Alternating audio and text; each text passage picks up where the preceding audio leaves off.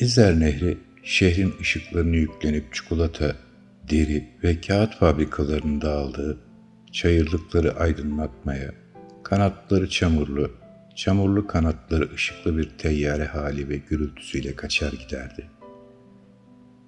Nehir kenarındaki setlerin üzerine tünemiş sarhoş işsizler, şarap şişelerini amatör balıkçı ihtiyar Fransızların post bıyıklarına doğru kahramanca uzatırlar.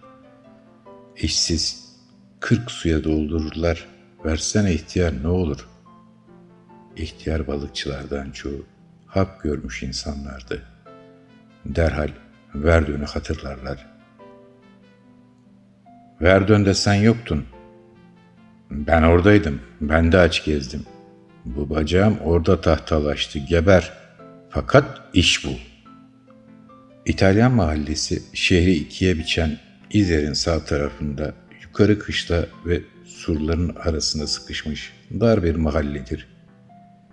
Gündüzleri içlerinde narin çocuklar varmış gibi şişkin beyaz çamaşırların dalgalandığı yakın evler, geceleri ta kiliseye kadar kırmızı elektrikleriyle yıldızlaşır, yerden uzaklaşırdı. Yine gündüzleri esmer, kısa boylu, işsiz delikanlıların boyunlarındaki al ve mor pularlarla gezindiği sokaklarda, akşamüstleri bir kule dibi yahut bir kum kapı hali peydah olur. Yalnız geceleyin bu tekin olmayan mahallede bıçaklı aşıklar dolaşır zannedilirdi. Kalın, sarı bira bardaklı, bilardosunun çuvası yırtık kahvehaneye akşamları uğrardım. Kağıt oynayan genç bir kümerin yakınına oturur, dinlerdim. 10, 11, 12, 13, 14. İtalyancanın bu 20'ye kadar sayılan sayısında bulduğum ahengi tarif edemeyeceğim. Hiçbir lisanda sayı bu kadar güzel sayılamaz. Undici, dutici, tredici. Oturur, bilardosunu bitirip bançosunu, konçinasını yapıp gitarını alacakları beklerdim.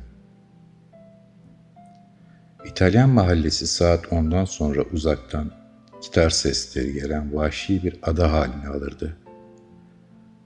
Artık hiçbir talebe bu asfalt köprüyü geçmez, artık hiçbir post bıyıklı babacan Fransız bu mahallenin vahşi kızlarını kandırmaya gelemez.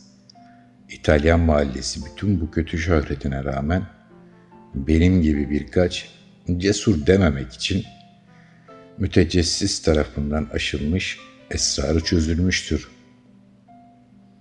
Nehir kenarına dizili sıralarda derilerinden bir balık ve sahil, bir Pompei, Napoli, bir yanardağ kokusu ve lavı çıkan kızlar otururlardı. Gündüzleri meçhul gözleri, muntazam yüzleri, kısa boylarıyla bir başka insan tesirini veren bu faşistlerin vatanından kovdu ananas renkli ve kokulu insanları geceleyin görmelidir. Senin yabancı olduğunu bildikleri halde hiç ehemmiyet vermiyor. Hatta sana bakmıyor gibidirler.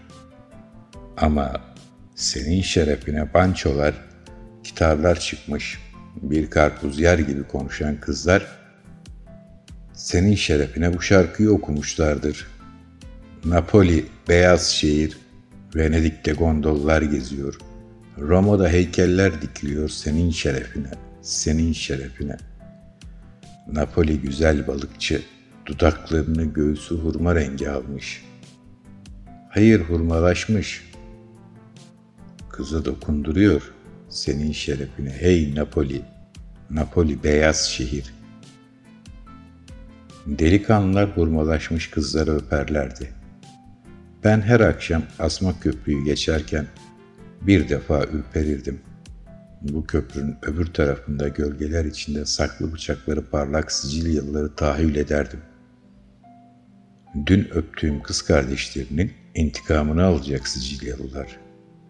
Ama onlar Sicilya ormanları gökyüzü kadar esrarlı ve intikamcıdır. Petrol lambası yanan kamış sas kulübede, çerten çöpten kulübede.'' mısır ekmeği yiyen çocuk seni seviyor. Fırından çıkmış mısır ekmeği renkli, yeni sağılmış keçüstü kadar mavi ve sıcak kız seni seviyor.